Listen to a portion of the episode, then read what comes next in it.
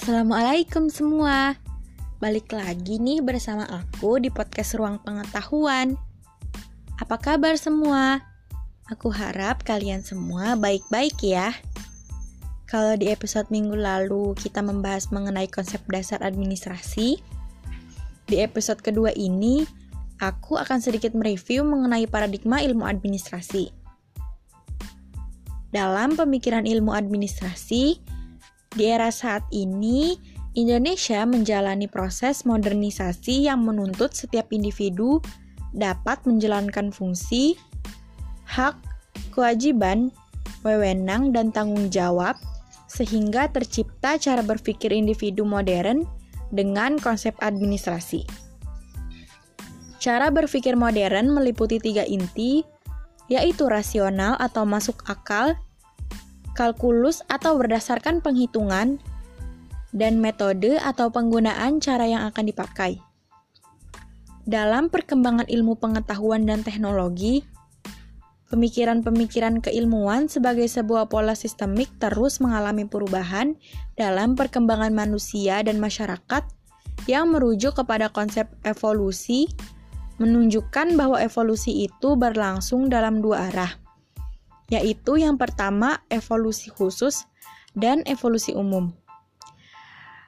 Nah, dalam evolusi umum ini yaitu dalam disiplin keilmuan.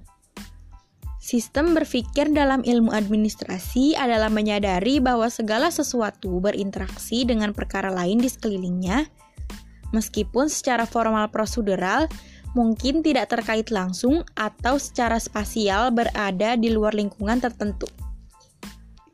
Kemudian terdapat 8 pemikiran ilmu administrasi, yaitu berpikir holistik, berpikir teoritikal, berpikir menggunakan ilmu, berpikir perubahan, berpikir atas ketidaksetujuan, berpikir dan berlaku etis, pemanfaatan pengetahuan, dan yang terakhir uji ilmu.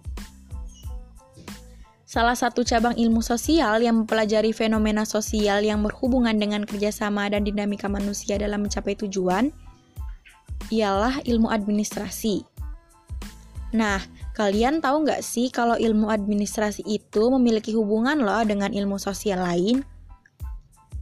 Ilmu administrasi ini masuk dalam kategori applied science atau ilmu terapan sehingga dalam penerapannya administrasi memiliki kaitan atau hubungan dengan ilmu sosial lainnya.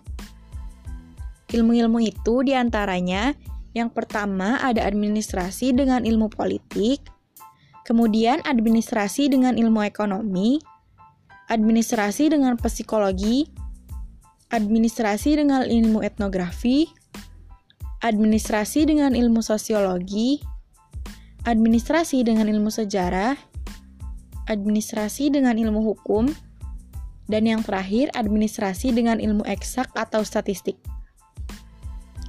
Wah, banyak banget ya hubungan administrasi dengan ilmu-ilmu lain. Sampai di sini dulu ya pembahasan kita mengenai paradigma ilmu administrasi. Aku harap materi kali ini dapat bermanfaat untuk semua orang yang mendengarkan. Sampai bertemu pekan depan ya. Bye.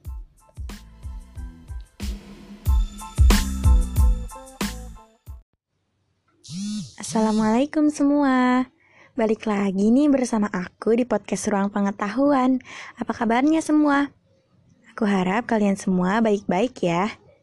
Kalau di episode minggu lalu kita membahas mengenai paradigma ilmu administrasi, di episode ketiga ini aku akan sedikit mereview mengenai administrasi, manajemen, dan juga kepemimpinan. Seperti yang kita ketahui sebelumnya, bahwa administrasi dalam arti sempit merupakan kegiatan ketatausahaan yang meliputi kegiatan tulis-menulis, catat-mencatat, dan surat-menyurat, yaitu suatu proses kegiatan yang berkaitan dengan pengiriman informasi secara tertulis, dimulai dari penyusunan, penulisan, hingga pengiriman informasi, dan sampai kepada pihak yang telah disetujui. Sedangkan administrasi dalam arti luas bahwa pada dasarnya semua mengandung unsur pokok yang sama, yaitu adanya kegiatan tertentu adanya manusia yang melakukan kerjasama serta mencapai tujuan yang telah ditentukan sebelumnya. Selanjutnya, terdapat delapan jenis administrasi. Di antaranya ada administrasi publik, administrasi lingkungan hidup, administrasi negara, administrasi niaga, administrasi pembangunan, administrasi kependudukan, administrasi keuangan, dan yang terakhir administrasi pendidikan. Kemudian administrasi memiliki tiga unsur, yaitu yang pertama ada kegiatan melibatkan dua orang atau lebih, kemudian kegiatan dilakukan secara bersama-sama, dan yang terakhir ada tujuan tertentu. Nah, ketiga unsur ini berkaitan erat satu sama lain dan terpadu. Jika salah satunya tidak ada, maka kegiatan tersebut tidak dapat disebut sebagai administrasi.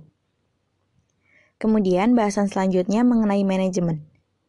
Manajemen adalah suatu rangkaian proses yang meliputi kegiatan perencanaan, perorganisasian, pelaksanaan, pengawasan, evaluasi, dan pengendalian dalam rangka memberdayakan seluruh sumber daya organisasi atau perusahaan, baik sumber daya manusia, modal, material, maupun teknologi secara optimal untuk mencapai tujuan organisasi atau perusahaan. Kemudian terdapat empat fungsi-fungsi manajemen yang dikemukakan oleh Dev, yaitu perencanaan, pengorganisasian, kepemimpinan, dan pengendalian. Menurut G. Arteri, fungsi-fungsi manajemen adalah planning, organizing, actuating, controlling. Sedangkan menurut John F. Mee, fungsi manajemen di antaranya adalah planning, organizing, motivating, dan controlling. Berbeda lagi dengan pendapat Henry Fayol, ada lima fungsi manajemen, di antaranya planning, organizing, commanding, coordinating, controlling, dan masih banyak lagi pendapat pakar-pakar manajemen yang lain tentang fungsi-fungsi manajemen. Selanjutnya, saya akan sedikit mereview mengenai kepemimpinan.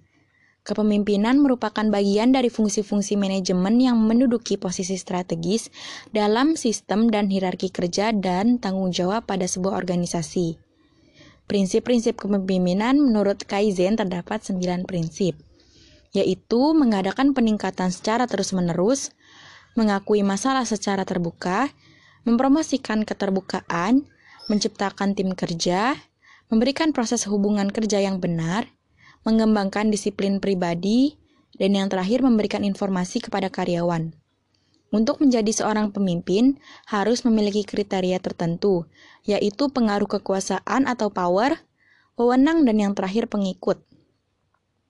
Nah, agar kelompok berjalan dengan efektif, pemimpin harus melaksanakan fungsi utama, yaitu fungsi yang berhubungan dengan tugas atau pemecahan masalah dan fungsi-fungsi pemeliharaan kelompok atau sosial.